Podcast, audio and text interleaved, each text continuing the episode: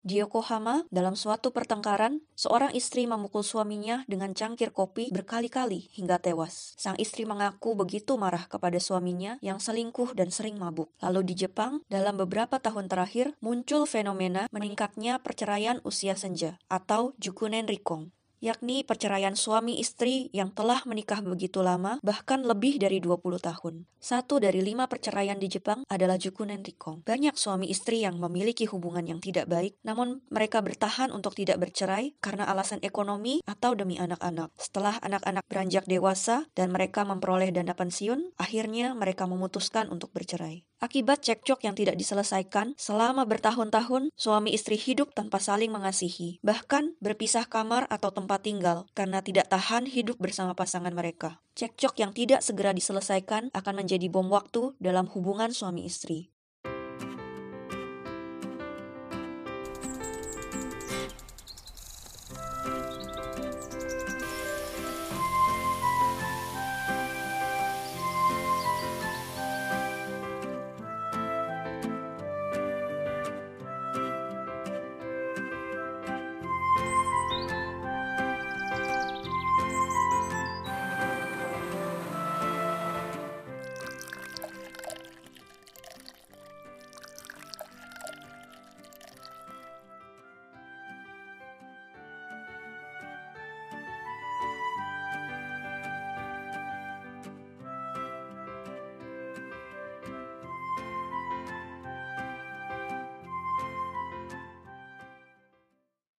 Salam saudara sekalian, selamat bergabung dalam acara Matcha Latte, Mother's Chat on Life and Theology, sebuah acara talk show yang membahas berbagai topik kehidupan mengenai kaum wanita dan apa pandangan Alkitab tentang topik tersebut. Acara ini merupakan pelayanan oleh kaum wanita MRI Tokyo atau Mimbar Reform Injili Indonesia, Tokyo. Dalam kesempatan kali ini, kita akan membahas mengenai dasar pernikahan Kristen. Bersama saya, Patricia. Kali ini kita sudah ditemani narasumber kita, Vikaris Vera, dan seorang guest dari Jemaat MRI Tokyo, Ibu Devina. Ibu Devina ini sudah tinggal di Tokyo selama satu setengah tahun dan sudah memiliki dua anak. Dan hari ini kita akan membahas mengenai fenomena yang sering terjadi dalam kehidupan suami istri, yaitu cekcok rumah tangga. Bicara tentang cekcok, ada banyak hal yang bisa menjadi pemicunya. Misalnya, perbedaan cara dalam mendidik anak, pembagian tugas dalam rumah tangga antara suami dan istri, dan juga pengaturan waktu untuk pekerjaan, untuk keluarga, dan bahkan pelayanan. Faktanya, suami dan istri adalah dua pribadi yang memiliki karakter dan latar belakang yang berbeda. Ada kalanya cekcok bisa reda dengan sendirinya seiring berjalannya waktu. Tapi sering kali cekcok yang dibiarkan akan bertambah hebat dan bahkan mengancam kelangsungan pernikahan. Pertanyaannya adalah, bisakah atau tidak bisakah suami istri menjalani pernikahan dengan perbedaan pendapat? Jika begitu pentingnya kesatuan pendapat antara suami dan istri, adakah satu prinsip yang solid untuk menyatukan pendapat keduanya? Kita akan berbincang-bincang tentang hal ini. Kita mulai dari guest kita, Ibu Devina sedikit sharing, saya dan suami sudah 10 tahun menikah dan pastinya kami ada cekcok juga dalam rumah tangga kami ya waktu awal-awal pernikahan banyak cekcok seputar perbedaan kebiasaan dalam keseharian kami yang kadang-kadang sangat sepele. Sejak awal pernikahan kami berdua bikin komitmen untuk selalu terbuka dalam masalah keuangan. Jadi masalah keuangan biasanya nggak menjadi masalah dalam cekcok kami.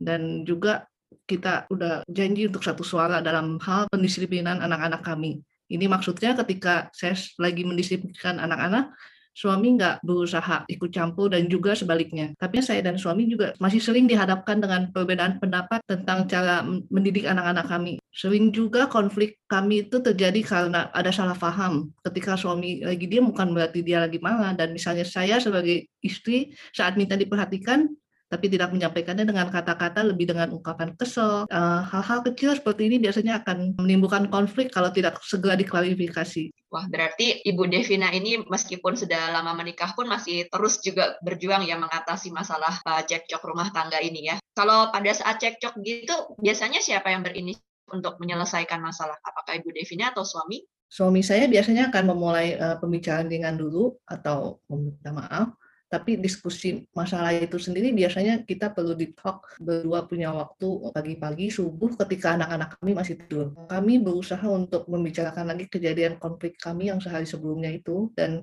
Terus kami mendoakan bersama pokok masalah yang sebenarnya menjadi keributan tersebut. Berarti tiap kali ada cekcok, Bu Devina dan suami dua-duanya saling berbicara baik-baik untuk menyelesaikan cekcok gitu ya? Oh, sebenarnya tidak juga. Uh, ketika sedang cekcok, biasanya saya memilih untuk mengambil waktu pribadi dulu. Saya misalnya ke kamar dan pasangan saya di tempat lain dalam keadaan yang lagi emosi, pastinya kita nggak bisa membuat uh, komunikasi yang baik. Saya pribadi perlu waktu untuk menenangkan diri dulu, membawa masalah ke dalam doa.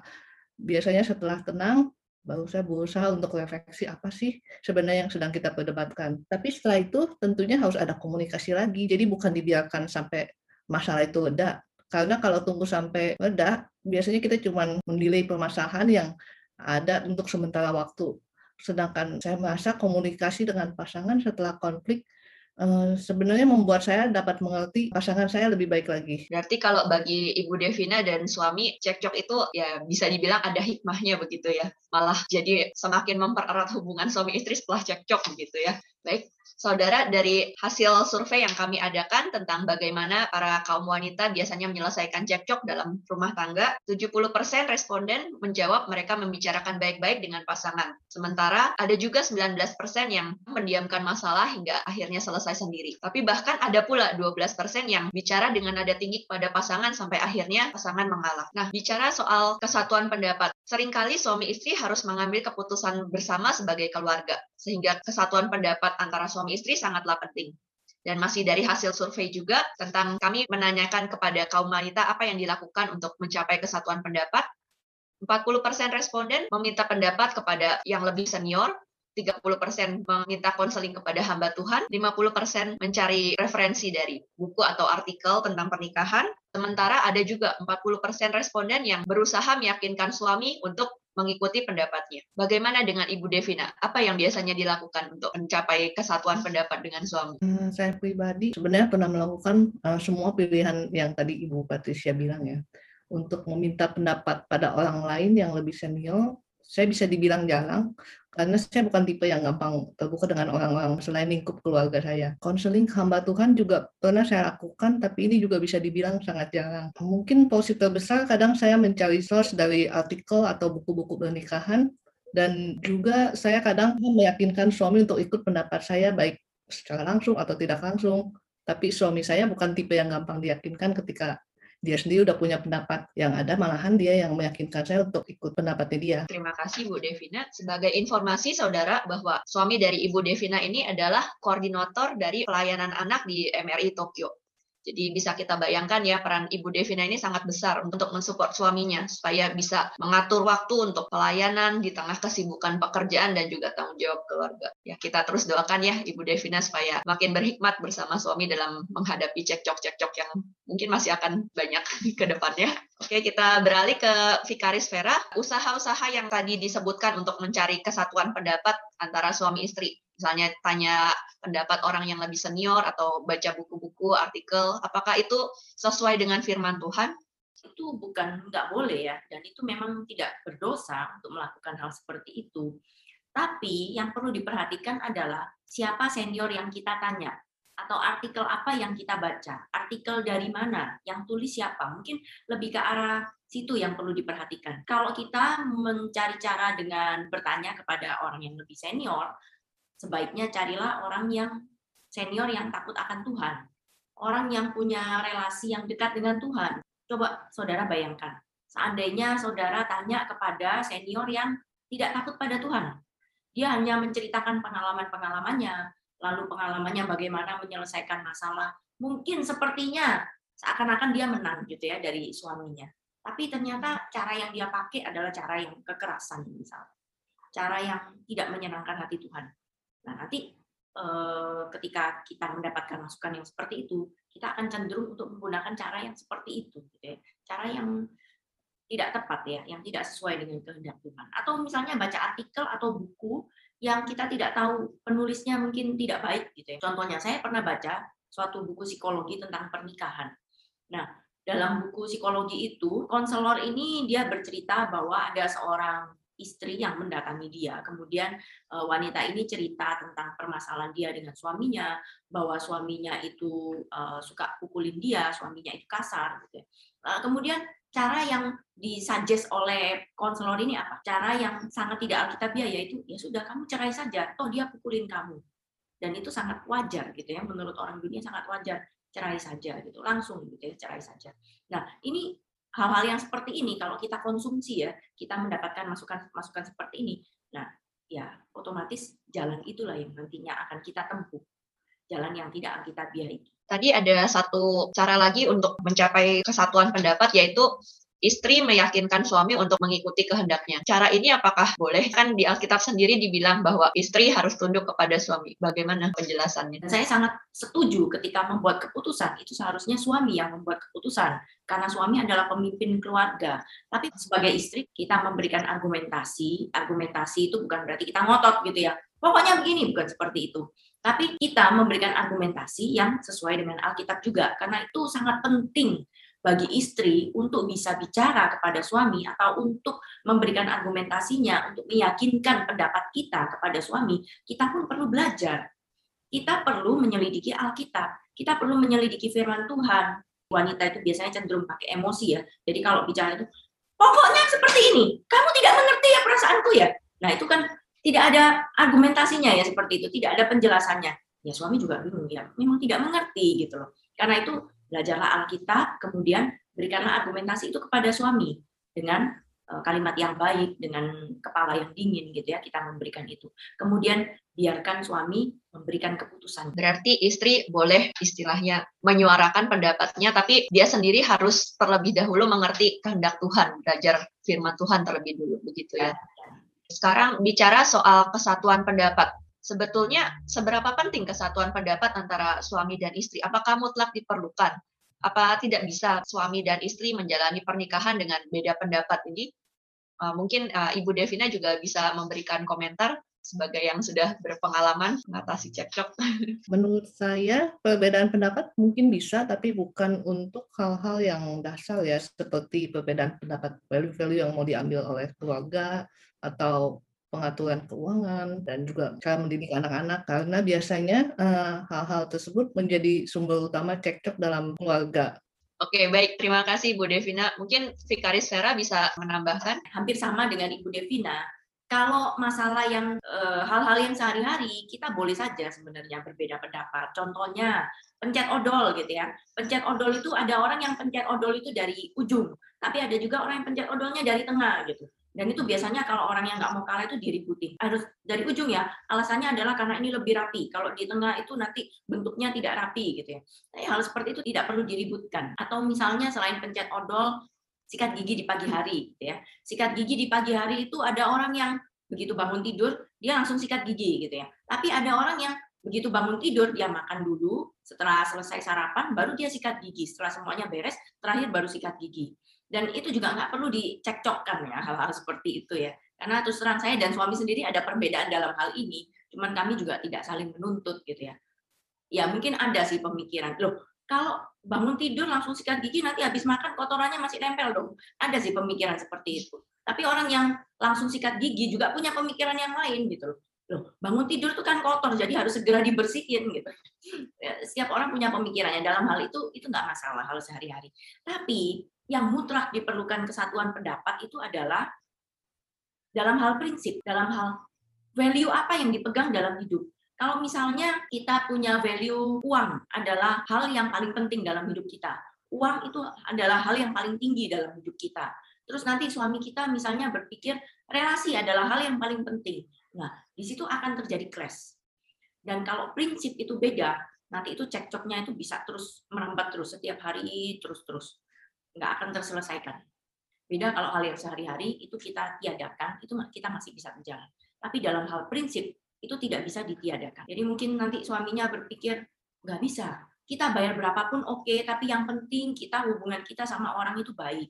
Kita punya relasi yang baik sama orang lain. Sedangkan istrinya nggak bisa. Pokoknya saya nggak mau rugi. Janganlah kasih kasih barang ke orang gitu ya dan wah itu berat. Kalau hal yang seperti itu berat. Bicara soal prinsip nih, jadi apa yang sebaiknya menjadi prinsip bagi suami dan istri dalam mengambil keputusan? Misalnya kalau sekarang ini kan banyak sekali paham yang beredar, misalnya ya kita baca dari buku, artikel, atau sekarang di media sosial juga banyak bisa kita temukan paham-paham ya misalnya tentang anak ada yang bilang anak itu dari kecil harus banyak dididik karena itu golden age gitu jadi harus banyak belajar tapi ada juga yang pendapat bahwa ya anak itu biarkan aja berkembang sesuai dengan pace dia begitu. Itu kan ada kontra antara pendapat satu dan pendapat lain. Jadi apa yang bisa kita ambil sebagai prinsip dalam menjalani rumah tangga itu? Prinsip apa jadinya yang harus kita pegang? Bagaimana caranya kita tahu itu adalah prinsip yang benar? Karena kita adalah orang Kristen. Sudah pasti prinsip yang perlu kita pegang adalah Alkitab. Jadi Alkitab itu seperti manual, buku manual dalam kehidupan kita dan untuk kita bisa tahu prinsip apa yang ada dalam Alkitab, sudah pasti kita harus belajar. Nggak bisa kita cuma baca sambil lalu kita langsung tahu gitu. Contohnya di kejadian pasal 3, saya bacakan ya kejadian pasal 3 ayat 16. Firmannya kepada perempuan itu, susah payahmu waktu mengandung akan kubuat sangat banyak. Dengan kesakitan engkau akan melahirkan anakmu. Namun engkau akan birahi kepada suamimu dan ia akan berkuasa atasmu Ya. Namun engkau akan birahi kepada suamimu dan ia akan berkuasa atasmu. Nah, hal yang seperti ini, arti dari birahi itu apa? Birahi itu bukan berarti nafsu birahi. Tapi ketika dibilang engkau akan birahi kepada suamimu, itu berarti istri itu akan berusaha menguasai suami. Tapi Tuhan sudah bilang, suami yang akan menguasai kita. Jadi suami itu ordonya tetap suami sebagai kepala. Tapi istri itu akan terus berusaha untuk menguasai itu kutukan kepada Hawa dan itu berarti itu juga kutukan kepada kita kaum perempuan. Nah, hal yang seperti ini kita kalau nggak menyelidiki Alkitab itu kita nggak tahu kan ya.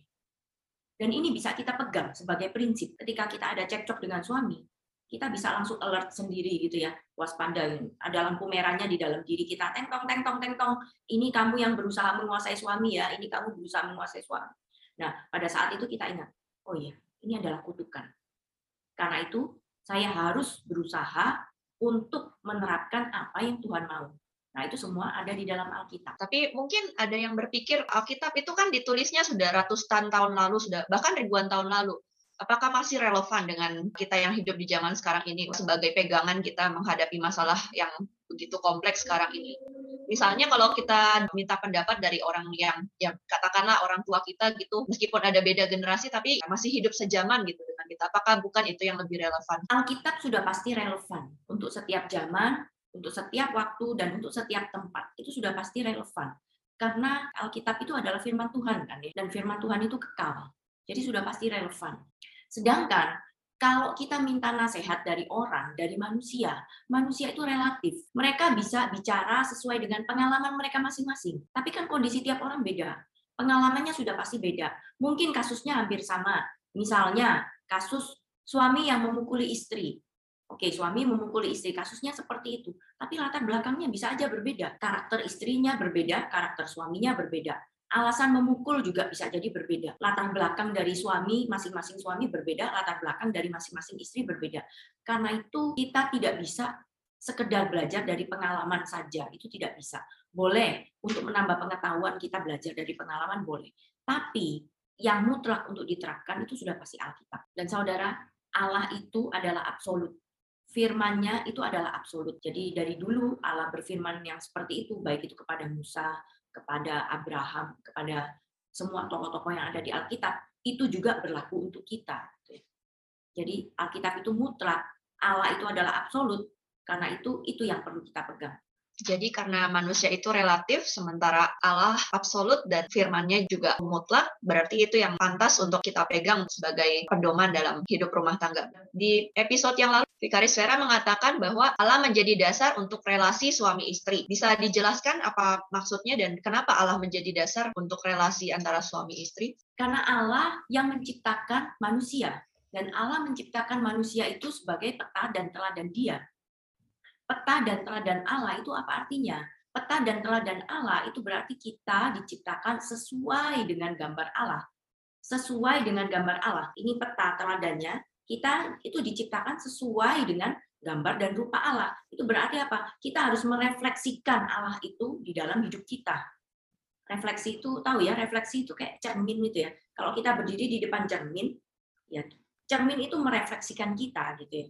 Seperti itu. Jadi kita itu merefleksikan Allah. Kita tahu ya bahwa Allah itu adalah kasih. Kalau Allah adalah kasih, berarti kita harus merefleksikan kasih Allah di dalam hidup kita. Jadi orang dunia bisa melihat bahwa Allah itu kasih ketika orang-orang itu melihat kita. Dan itu berarti Allah itu menjadi dasar dalam hidup kita, dalam pernikahan kita kita merefleksikan Allah itu seperti apa. Mungkin masih ada yang agak bingung bagaimana merefleksikan Allah dalam keluarga secara konkret seperti apa ya? Iya, merefleksikan Allah itu kan berarti kita itu harus tahu Allah itu seperti apa kan ya. Kita harus mengenal Allah dulu untuk bisa merefleksikannya. Jadi nggak mungkin ya kalau kita nggak tahu Allah terus kita merefleksikan apanya yang direfleksikan ya kan. Jadi ya kita harus tahu dulu Allah itu seperti apa, kemudian baru kita bisa merefleksikan. Contohnya, kita sudah belajar tentang Allah Tritunggal. Allah itu kan punya tiga pribadi ya. Dan dalam tiga pribadi itu, Allah itu saling mengasihi satu sama lain. Allah Bapa mengasihi Allah Anak dan Allah Roh Kudus. Allah Anak mengasihi Allah Bapa dan Allah Roh Kudus. Allah Roh Kudus mengasihi Allah Bapa dan Allah Anak. Dan mereka saling meninggikan satu sama lain. Antara pribadi itu saling meninggikan satu sama lain, saling memuliakan satu sama lain. Nah, kita sudah belajar hal seperti itu. Itulah yang harus kita contoh dalam pernikahan kita. Kita pun harus saling meninggikan antara istri dan suami. Kita harus saling memuliakan satu sama lain. Nah, itu yang bisa kita refleksikan dari kasih antara Allah Tritunggal itu sendiri. Misalnya seperti itu. Bagaimana kalau sebaliknya yang terjadi? Kalau Allah tidak menjadi dasar dalam keluarga, apa yang menjadi masalahnya? Masalahnya sangat besar. Itu berarti baik suami maupun istri itu akan bergerak sendiri-sendiri karena nggak ada yang berdiri di tengahnya sebagai pegangan. Tidak ada yang menjadi dasar di situ. Jadi semuanya bergerak sendiri-sendiri. Tadi ya saya sudah bilang bahwa manusia itu relatif. Kalau relatif itu kan berarti tidak tidak pasti. Perasaan kita bisa berubah setiap waktu, eh, cara kita berpikir juga bisa berubah tergantung situasi yang kita hadapi. Kemudian apalagi karakter pun bisa berubah gitu ya. Orang yang terus-menerus mendapatkan peristiwa-peristiwa yang berat bagi hidupnya itu akan menjadi orang yang tough gitu ya. Dan itu karakter itu berubah gitu. Semuanya berubah. Dan karena itu ketika Allah tidak ada di dalam pernikahan kita, itu semuanya akan bergerak sendiri-sendiri. Suami akan menuntut istri dan istri pun akan menuntut suami. Semuanya saling menuntut.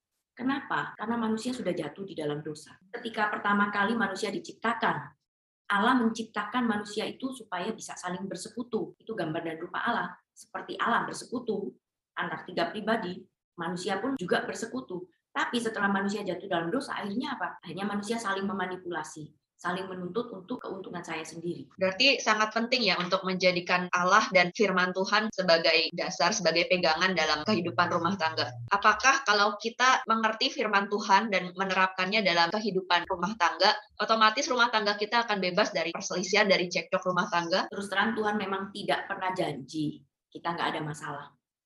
Tuhan nggak pernah janji kita nggak ada masalah.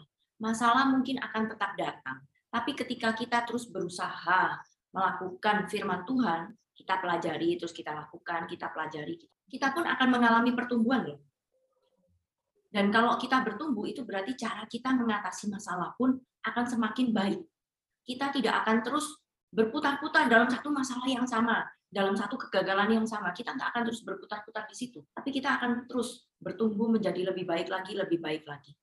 Mungkin Bu Devina bisa sharingkan pengalamannya bersama suami bagaimana menerapkan prinsip-prinsip firman Tuhan itu dalam kehidupan keluarganya, dalam mengatasi cekcok. Sebagai orang Kristen tentu kita prinsip dasarnya harus bersandar pada firman Tuhan dan cari penyelesaian pada konflik-konflik. Tapi saya sendiri masih terus belajar untuk mengendalikan diri dalam emosi saya. Kadang ada situasi di mana saya sendiri tidak bisa mengontrol ya ketika saya lagi capek gitu tiba-tiba saya menjadi emosi dengan alasan-alasan yang nggak jelas. Ya, saya terus membawa persoalan ini ke dalam doa dan kita menggali firman Tuhan supaya firman itu terus mengingatkan dan menyadarkan kita Vikaris Vera dan juga Ibu Devina menyinggung soal menggali firman Tuhan. Tapi mungkin tidak semua orang bisa membayangkan bagaimana caranya menggali firman Tuhan. Kadang baca Alkitab pun suka nggak ngerti gitu. Apa ada tipsnya bagaimana caranya kita bisa menggali firman Tuhan, bisa mengerti dan baru akhirnya bisa menerapkannya begitu? Oke, siapa dulu nih? Mungkin dari Bu Devina dulu. hmm, kalau saya uh, biasanya saya baca kitab, uh, terus ada persekutuan wanita, ikutan OSG maksudnya, terus mendengarkan seminar-seminar atau pendalaman Alkitab dan pastinya uh, kita ikutan nonton Majalate nanti di mana kita banyak belajar juga ya pengalaman dari ibu-ibu lain tentang pergumulan dalam keluarga Kristen. Mungkin Cipera selanjutnya. Iya, mirip sih ya sama Ibu Devina. Yang paling bunda itu memang ya kita mendengarkan seminar, kita mengikuti PA-PA, PA itu yaitu pemahaman Alkitab. Di situ pasti pengajarnya akan membahas, mengulas tentang Alkitab. Jadi kita ketika kita baca kita itu nggak ngerti atau kita pikir kita sudah ngerti itu semua akan diulas oleh pengajar dalam seminar atau dalam PA-PA tersebut dan itu sangat baik membuat kita bisa mengerti gitu ya. Saya rasa zaman pandemi ini banyak sekali ya PA-PA yang beredar yang bisa kita ikuti. Nah, kemudian sudah pasti kita harus eh, mencari itu sendiri yaitu ya kita dengan baca buku-buku yang mendukung penjelasan Alkitab. Tapi of course bukunya konfirmasi dulu ya. Tanya dulu ini bukunya nggak apa-apa nggak dibaca? gitu ya. Jangan terus sampai sesat. Ya nggak tahu dari mana gitu ya bukunya terus aja baca gitu jadi tanya dulu. Baca buku pendukung itu yang menjelaskan tentang perikop-perikop yang mau kita baca atau kita baca komentar tapi of course yang paling penting adalah kita harus mulai membaca Alkitab itu sendiri. Kalau kita tidak pernah memulai membaca Alkitab, kita mau dengerin seminar atau apa pun itu ya PA, itu juga kita nggak akan menemukan kehendak Tuhan di situ. Jadi yang paling penting adalah Alkitab itu sendiri. Kita mulai membuka Alkitab, kita baca dan kita berdoa. Kemudian akan dibantu oleh PA atau seminar ataupun komentari. Baik, saya akan merangkum pembicaraan kita pada hari ini.